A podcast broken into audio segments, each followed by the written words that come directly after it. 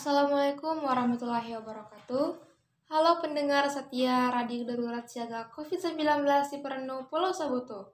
Selamat siang, gimana nih kabar hari ini? Semoga baik-baik saja ya, sehat walafiat dan yang pastinya tetap semangat.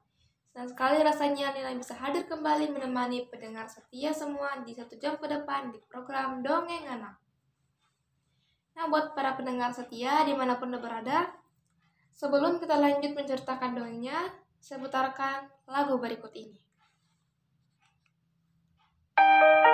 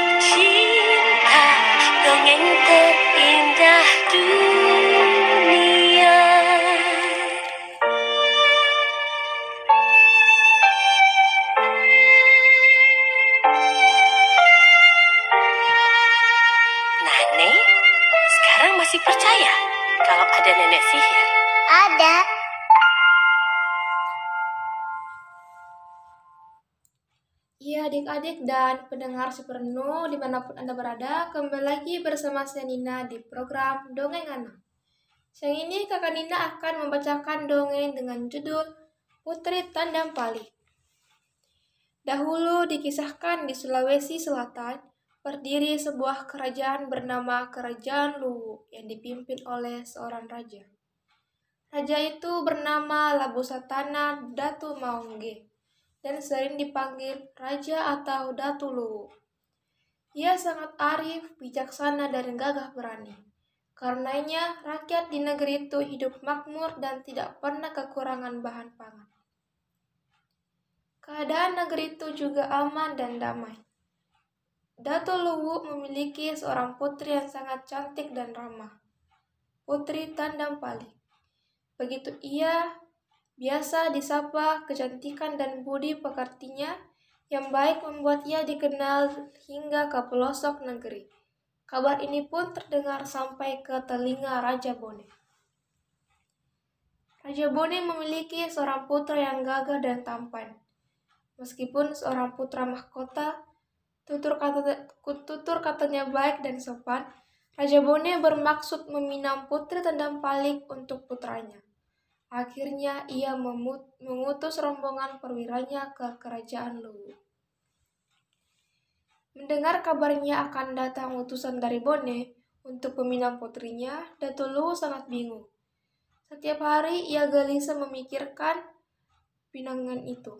Menurut alat Luwu, Seorang putri dari Luwu tidak boleh menikah dengan laki-laki di luar sukunya. Akan tetapi, jika ia menolak pinangan itu tersebut, pasti akan terjadi peperangan yang dapat berdampak buruk bagi rakyatnya. Baiklah, aku akan menerima pinangmu itu, biar aku saja yang dikutuk oleh dewa, asalkan rakyatku tidak menderita. Ucapan dalam hatinya. Beberapa hari kemudian, datang utusan dari kerajaan Bone untuk meminang putri Tandang Pali. Mereka datang dengan sangat sopan dan ramah. Tidak ada rombongan prajurit yang datang ataupun armada perang yang di pelabuhan seperti yang diperkirakan sebelumnya. Datu Luwu menyambutnya dengan ramah. Setelah mereka mengutarakan maksudnya, Datu Luwu tidak langsung menjawab pinang itu. Utusan Raja Bone memahami hal itu, mereka akhirnya kembali ke Bone. Kejadian yang tidak terduga pun terjadi. Keesokan harinya, Putri Tandang Palik jatuh sakit. Sekujur tubuhnya mengeluarkan cairan kental menjijikkan yang berbau anyir. Dari tabib istana hingga tabib-tabib terkenal lainnya dari pelosok negeri didatangkan untuk menyembuhkan Putri Tandang Palik dan hasilnya pun nihil. Putri Tendang Palik tidak kunjung sembuh. Semakin hari putri kondisi Putri Tendang Palik semakin parah. Jika tidak segera diasingkan, rakyat Luwu pasti akan tertular. Bagaimana caranya agar putriku lekas sembuh? Jika tidak kunjung sembuh, rakyatku pasti akan tertular. Apa yang harus aku lakukan? Aku tidak akan mungkin tega membunuh aku sendiri, pikir Datu Luwu. Setelah beberapa saat berpikir, akhirnya ia mendapatkan cara agar rakyatnya tidak tertular penyakit putrinya. Satu-satunya cara adalah putri Tandang Palik harus diasingkan keluar dari negeri Luwu. Betapa berat hati Datuk Luwu melepaskan putrinya.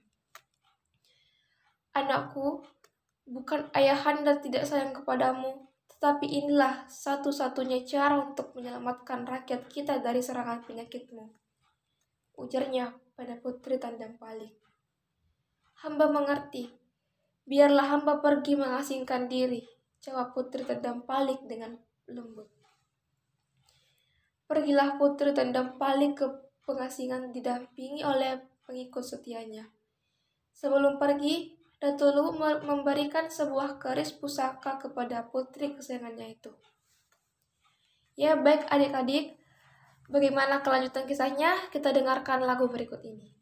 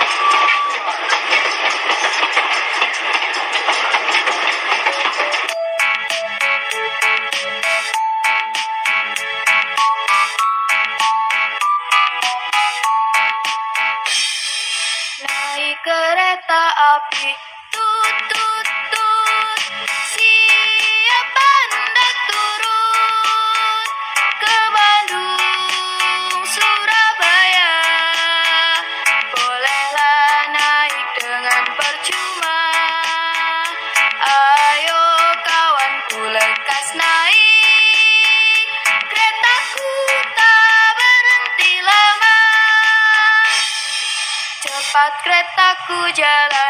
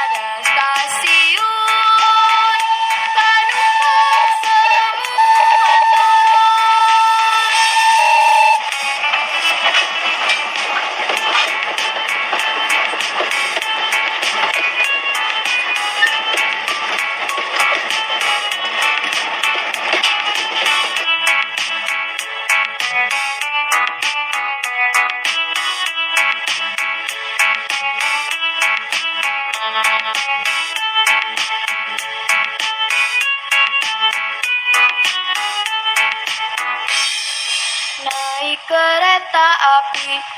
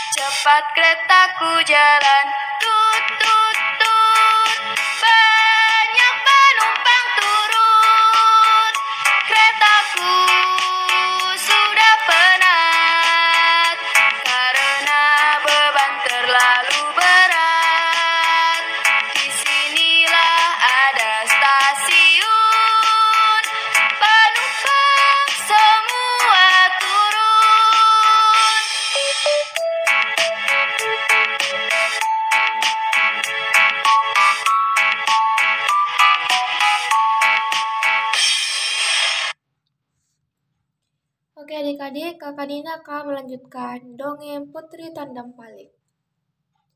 Berbulan-bulan sudah Putri Tandam Palik itu mengikuti berlayar, tibalah mereka di sebuah pulau yang subur dan berhawa sejuk. Lalu mereka menepi di sana. Seorang pengikut Putri Tandam Palik menemukan buah wajo. Akhirnya daerah tersebut diberi nama Wajo. Di sana mereka membuat gabuk-gabuk kecil sebagai tempat tinggal mereka. Mereka juga mulai bercocok tanam dengan kehidupan yang sangat sederhana. Mereka terus bekerja keras dengan semangat dan gembira. Suatu hari, ketika sedang duduk-duduk di pinggir danau, Putri Tandam Palik melihat seekor kerbau bule atau kerbau berwarna putih. Ia mengira kerbau itu akan memakan tanaman sayuran yang berada tidak jauh dari tempat itu, sehingga diusirlah kerbau itu. Namun, semakin diusir semakin mendekat dan akhirnya menerjang sehingga ia pingsan. Ketika siuman, bukan kepalanya bukan kepala kagetnya Putri, Tanda Palik melihat kerbau itu menjelati seluruh permukaan tubuhnya yang sudah mulai membusuk. Keajaiban terjadi. Setelah berulang kali dijilati oleh si kerbau, penyakit di tubuhnya berangsur-angsur sembuh dan mengering sehingga tidak meninggalkan bekas. Karenanya, kerbau putih itu kemudian dikeramatkan dan tidak boleh disembelih. Suatu malam, Putri Tandam Palik bermimpi didatangi oleh seorang pemuda tampan. Pemuda itu berkata bahwa dirinya adalah jodoh Putri Tandam Palik. Putri Tandam Palik berjaga dari tidur, terjaga dari tidurnya. Ia mengira bahwa mimpi itu adalah pertanda baik bagi dirinya. Sementara itu, di negeri Bone, putra mahkota kerajaan Bone sedang asyik berburu. Ia ditemani oleh pengawal dan panglima kerajaan Bone yang bernama Andre Guru Pakan Rayange. Karena terlalu asyik berburu, putra mahkota terpisah dari rombongannya. Hari sudah semakin larut, akhirnya ia harus bermalam di dalam hutan. Putra mahkota itu mencoba memejamkan matanya, tetapi suara-suara hewan dalam membuat Suara-suara hewan malam membuatnya sulit tidur. Di kejauhan, putra mahkota melihat seberkas cahaya dari sebuah perkampungan. Sesegera mungkin ia menuju sumber cahaya tersebut. Sesampainya di perkampungan tersebut, hari sudah sangat larut, ia memberanikan diri memasuki sebuah gabuk yang nampak kosong. Namun, betapa terkejut, terkejutnya ketika ia melihat seorang gadis cantik sedang memasak air. Gadis cantik itu adalah Putri Tandam Palik. Betapa cantiknya gadis ini, siapakah sebenarnya dirinya? Pikir sang putra mahkota. Merasa ada yang mengawasi, Putri Tandam Palik menoleh ke belakang. Betapa terkejutnya Putri Tandam Palik melihat seorang pemuda yang sama seperti di mimpinya. Akhirnya mereka berkenalan. Melihat tutur kata pangeran yang lembut dan sopan, membuat Putri Tendang Palik kagum dan tertarik. Begitupun dengan kelembutan Putri Tendang Palik membuat putra mahkota jatuh hati. Pagi harinya, Panglima Perang Kerajaan Bone, Andre Guru Pakan Rayang, Pakan, Pakan Rayangi, be, beserta para pengawal putra mahkota yang merasa kehilangan tuannya, Sangat lega bisa menemukan putra mahkota di desa itu. Putra mahkota harus kembali ke kerajaan. Sejak berpisah dengan putri tandang palik, hatinya sangat gundah. Ia sangat merindukan putri tandang palik. Ingin rasanya ia tinggal di desa Wajo dan hidup bersama putri tandang palik. Andre Guru Pakan Rayeng, Pakan Rayeng yang memperhatikan gelagat putra mahkota tidak seperti biasanya, kemudian menceritakan kejadian di, di desa Wajo kepada Raja Bone. Dari gelagat yang saya lihat, tampaknya putra mahkota sedang jatuh hati baginda.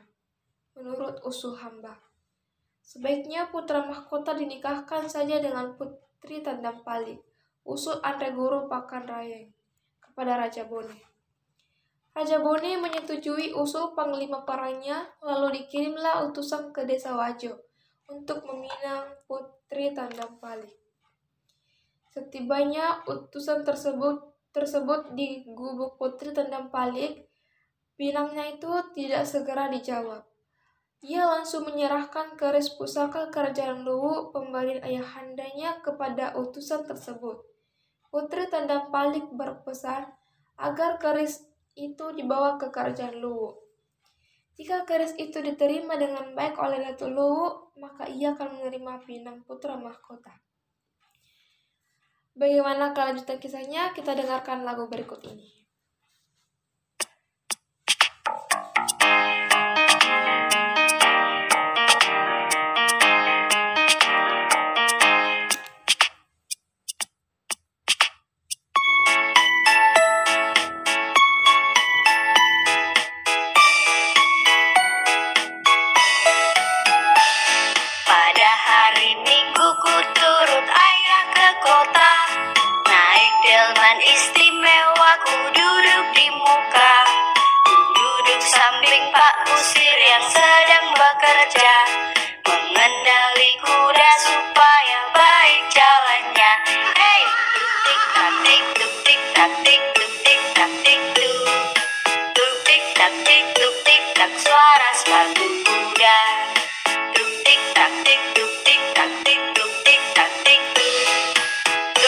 Tik tuk tik tak suara satu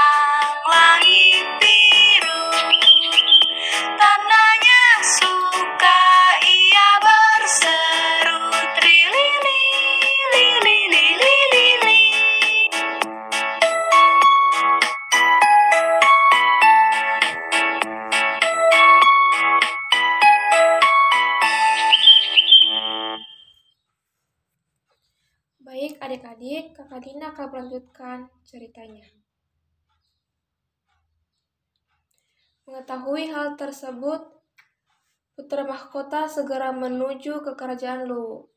Ia pergi sendiri tanpa dikawal oleh seorang pun prajurit. Dengan semangat, ia menempuh perjalanan yang cukup jauh selama beberapa hari. Setibanya di kerajaan, di kerajaan Lu, ia menceritakan pertemuannya dengan putri Tandampali. Setelah itu, Putra mahkota menyerahkan keris pusaka yang dititipkan oleh Putri Tandang Palik kepada Datu Luwu. Datu Luwu dan Permaisuri sangat bahagia mendengar kabar tersebut. Dengan senang hati Datu Luwu menerima keris itu. Akhirnya pergilah Datu Luwu dan Permaisuri bersama bersama pengawal istana ke desa Wajo. Betapa bahagianya mereka ketika bertemu dengan putri tercintanya yang sudah berpisah dalam waktu cukup lama. Maafkan ayahanda nak, ayahandamu telah mengasingkanmu dalam waktu yang cukup lama, ucap Datuk Luwu. Tidak, tidak ada yang perlu dimaafkan, ayahanda. Ananda justru bahagia karena dapat menyelamatkan rakyat Luwu dari penyakit menular. Jawab Putri Tandam Palik. Keesokan harinya digelar pesta pernikahan Putri Tandam Palik dengan putra mahkota kerajaan Bone di desa Wajo, mereka terlihat sangat serasi. Beberapa tahun kemudian, putra mahkota naik tahta. Ia pun menjadi Raja Bone yang arif dan bijaksana, menggantikan ayahandanya. Ya adik-adik, itulah tadi cerita dari dongeng Putri Tandam Palik. Pesan moralnya, berbuat baiklah kepada sesama agar dicintai sesamanya. Jika kita berbuat baik, hasil yang didapatkan juga akan baik.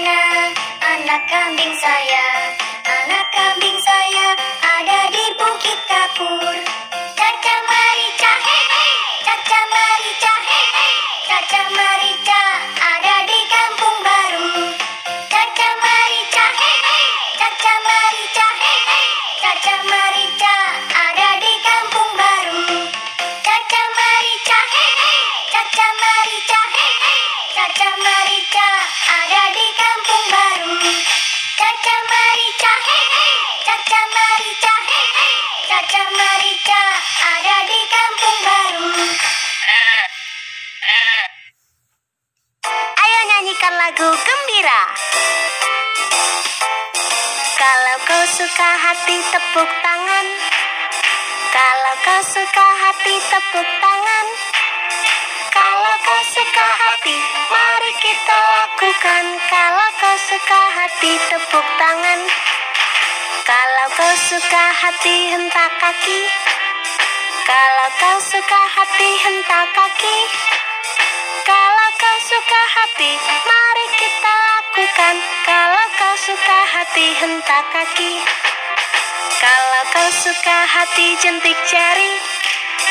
Kalau kau suka hati jentik jari. Kalau kau suka hati Mari kita lakukan. Kalau kau suka hati jentik jari. Kalau kau suka hati bilang hore Hore. Kalau kau suka hati bilang hore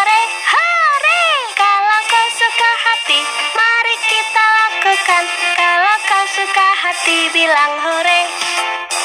Kalau kau suka hati tepuk tangan. Kalau kau suka hati tepuk tangan. Kalau kau suka hati Mari kita lakukan. Kalau kau suka hati tepuk tangan. Kalau kau suka hati Mari kita lakukan. Kalau kau suka hati tepuk tangan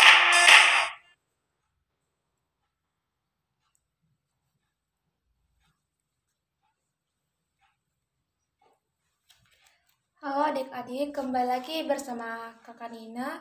Kali ini kakak akan menceritakan dongeng selanjutnya yaitu kisah Pinocchio. Si boneka kayu. Adik-adik, ini adalah kisah tentang seorang bocah lelaki yang sangat menyenangkan, kekanak-kanakan dan mudah terpengaruh karena ketidaktahuannya yang lucu, yang memiliki kebiasaan terlalu percaya dan sering membuat dirinya sendiri dalam masalah. Tanpa sengaja, Baik adik-adik, sebelum mendengarkan dongeng, ini ada baiknya kita dengarkan lagu berikut ini. Ayo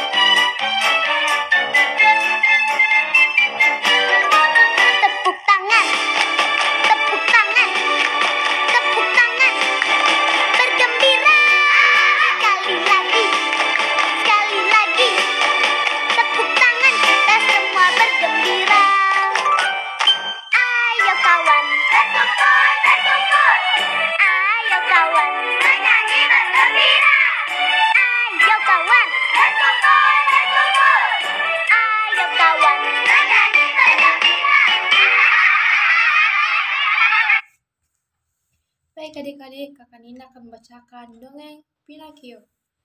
Pada zaman dahulu, kala hiduplah seorang tukang kayu bernama Geppetto. Dia tinggal sendiri di rumah sederhananya yang hanya berisi barang-barang dari kayu. Geppetto bermimpi memiliki anak laki-laki yang akan menemaninya. Pada suatu malam, ketika dia merasa kesepian, dia membuat sebuah boneka kayu. Gepetto adalah pemahat yang handal. Boneka itu sangat terlihat nyata. Aku akan memanggilmu Pinocchio, ucapnya. Oh, aku berharap kamu adalah benar-benar anak laki-laki. Setelah selesai membuat boneka itu, Gepetto pun tertidur. Ketika Gepetto tertidur, peri biru datang dan berbisik padanya. Gepetto yang baik, kamu selalu menjadi orang yang baik untuk semua orang. Aku akan memberikan kehidupan untuk Pinocchio kecilmu. Dan peri biru mengayunkan tongkat ajaibnya. Suara sihir, Pinocchio pun hidup. Lihat aku, aku bisa bicara, aku bisa berjalan, dan aku bisa menari, ucap Pinocchio bersemangat. Gepetto bangun mendengar suara berisik di rumahnya. Dia sangat terkejut dia menemukan bahwa mimpinya menjadi kenyataan. Boneka kayu, anakku kamu hidup. Gepetto sangat bahagia dan memeluk Pinocchio. Di pagi hari berikutnya, Gepetto memberikan Pinocchio uang untuk membeli buku dan mengirimnya ke sekolah. Pinocchio, sekarang kamu harus sekolah. Jangan berhenti sebelum sampai ke sekolah. Di sana kamu akan mendapatkan banyak ilmu pengetahuan. Gepetto berpesan pada Pinocchio. Pinocchio sangat bergembira. Dia berjalan menuju sekolahnya. Di perjalanan, dia bertemu seorang anak laki-laki yang bermain. Hai, kamu mau pergi ke mana dengan uang sebanyak itu? Tanya, tanya si anak laki-laki.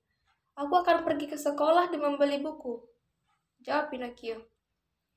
Hai, daripada ke sekolah, lebih baik uang itu untuk membeli permen. Rasanya sangat enak, ucap anak laki-laki itu tadi. Seekor belalang ajaib, ajaib meloncat ke pundak Pinocchio dan berbisik. Jangan lakukan itu, Pinocchio. Jangan dengarkan anak itu. Tapi Pinocchio tidak mendengarkan belalang ajaib. Dia pergi masuk ke toko permen. Apakah semua uang ini hanya untuk permen? Pelayan toko bertanya kepada Pinocchio. Iya, ayahku ingin aku membelikan semua uang ini untuk permen. Ucap Pinocchio, tiba-tiba hidup Pinocchio bertambah panjang. Pada saat Pinocchio keluar dari toko, si anak laki-laki dengan cepat mencuri semua permen dari Pinocchio dan melarikan diri. Pinocchio telah ditipu. Belalang ajaib bertemu Pinocchio kembali. Dia bertanya, kenapa uang Pinocchio berkurang? Pinocchio menjawab, uangnya jatuh dan hilang. Pada saat Pinocchio berbohong, hidungnya kembali bertambah panjang. Baiklah, bagaimana kelanjutan kisahnya? Kita dengarkan lagu berikut ini.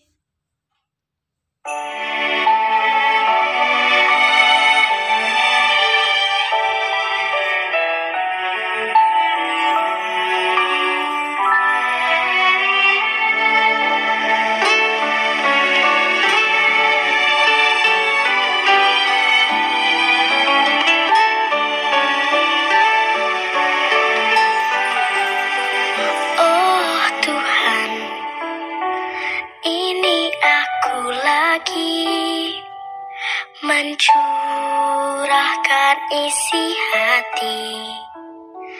Jangan bosan mendengarku lagi. Aku yang banyak meminta. Tapi bolehkah satu kali lagi kau dengar sebaik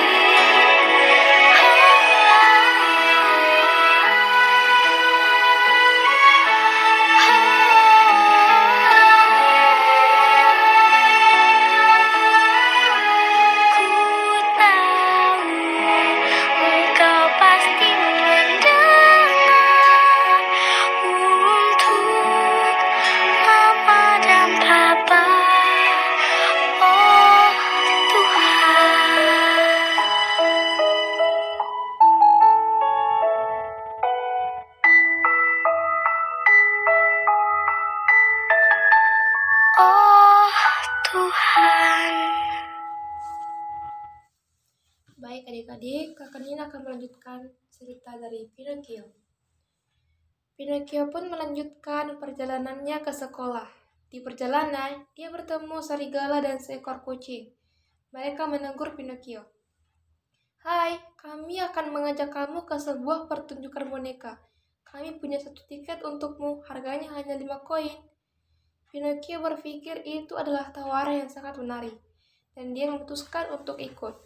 Aku punya lima koin, ayahku menyuruhku pergi ke pertunjukan yang menarik. Dan hidung Pinocchio pun kembali bertambah panjang.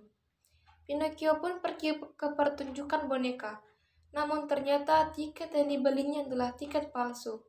Penjaga pertunjukan tidak memperbolehkannya masuk. Pinocchio pun duduk di pojok dan menangis. Seorang laki-laki asing dan rambut daun janggut panjang menemukan Pinocchio menangis. Dia adalah Stromboli, pemilik pertunjukan boneka.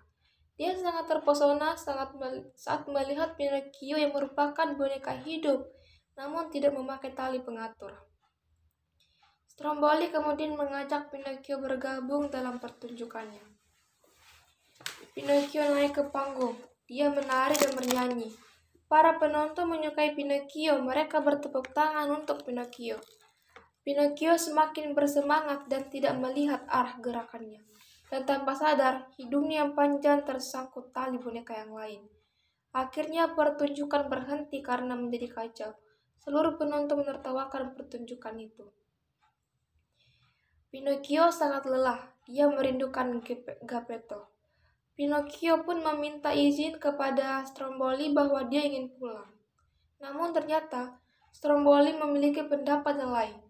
Dia memasukkan Pinocchio ke dalam sangkar. Kamu milikku sekarang, kata Stromboli. Ketika Pinocchio duduk dan menangis di dalam sangkar, belalang ajaib muncul kembali. Lihat Pinocchio, jika kamu pergi ke sekolah seperti apa yang, apa yang minta oleh Gepetto, tentu kejadian ini tidak akan pernah terjadi. Belalang ajaib memberikan kesempatan kedua untuk Pinocchio agar mau berubah. Dia dengan cepat pergi ke rumah Gepetto dan memberitahunya apa yang telah terjadi pada Pinocchio.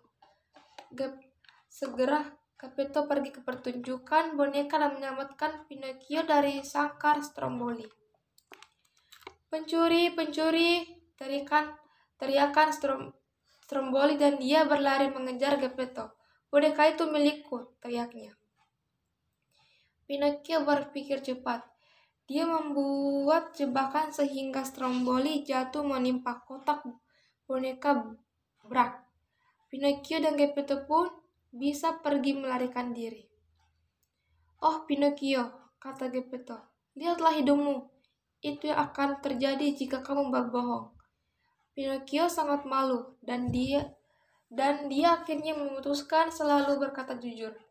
Dan dia pun menepati janjinya sehingga hidungnya mengecil-mengecil mengecil dan kembali seperti semula. Baik, cerita selanjutnya sebelum kita lanjut, seputarkan lagu berikut ini.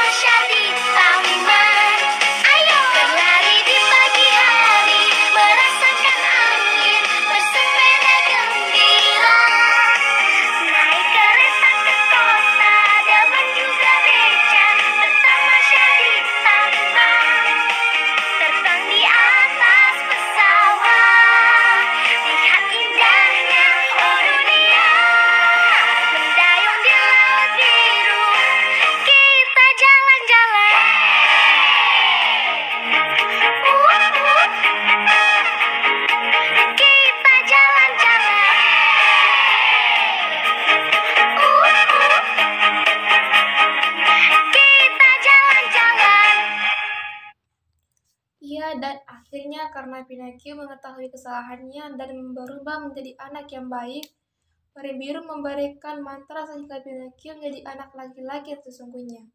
Geppetto dan Pinocchio pun hidup bahagia. Itulah dia cerita Geppetto dan Pinocchio. Dan pesan moralnya,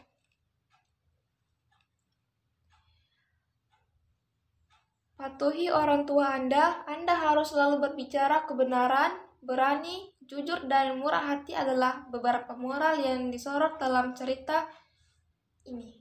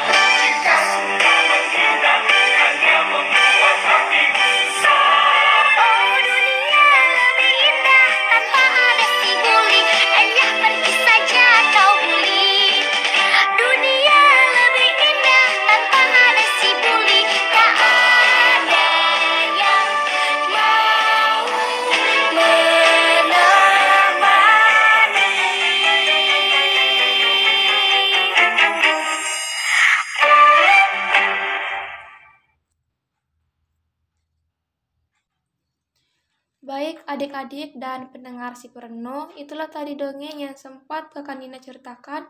Semoga adik-adik semuanya suka dan dapat memetik pesan yang disampaikan dalam dongeng tadi.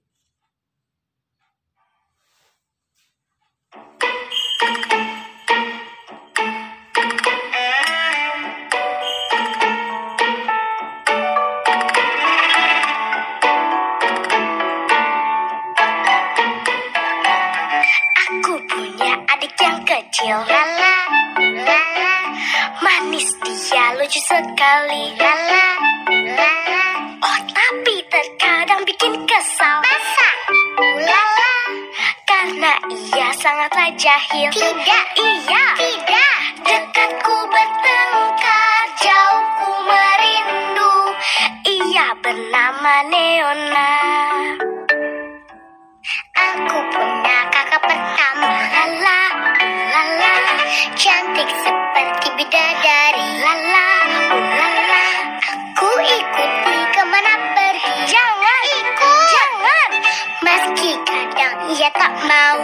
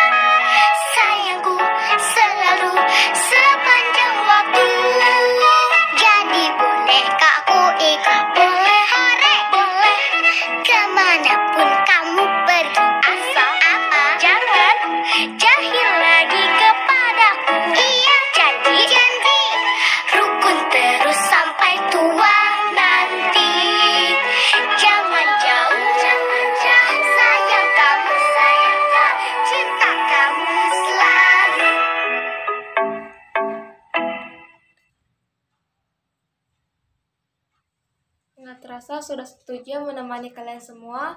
Untuk itu, sebelum Nina tutup perbincangan, pada kali ini Nina mohon maaf bila terjadi kesalahan dalam tutur kata dan bahasa.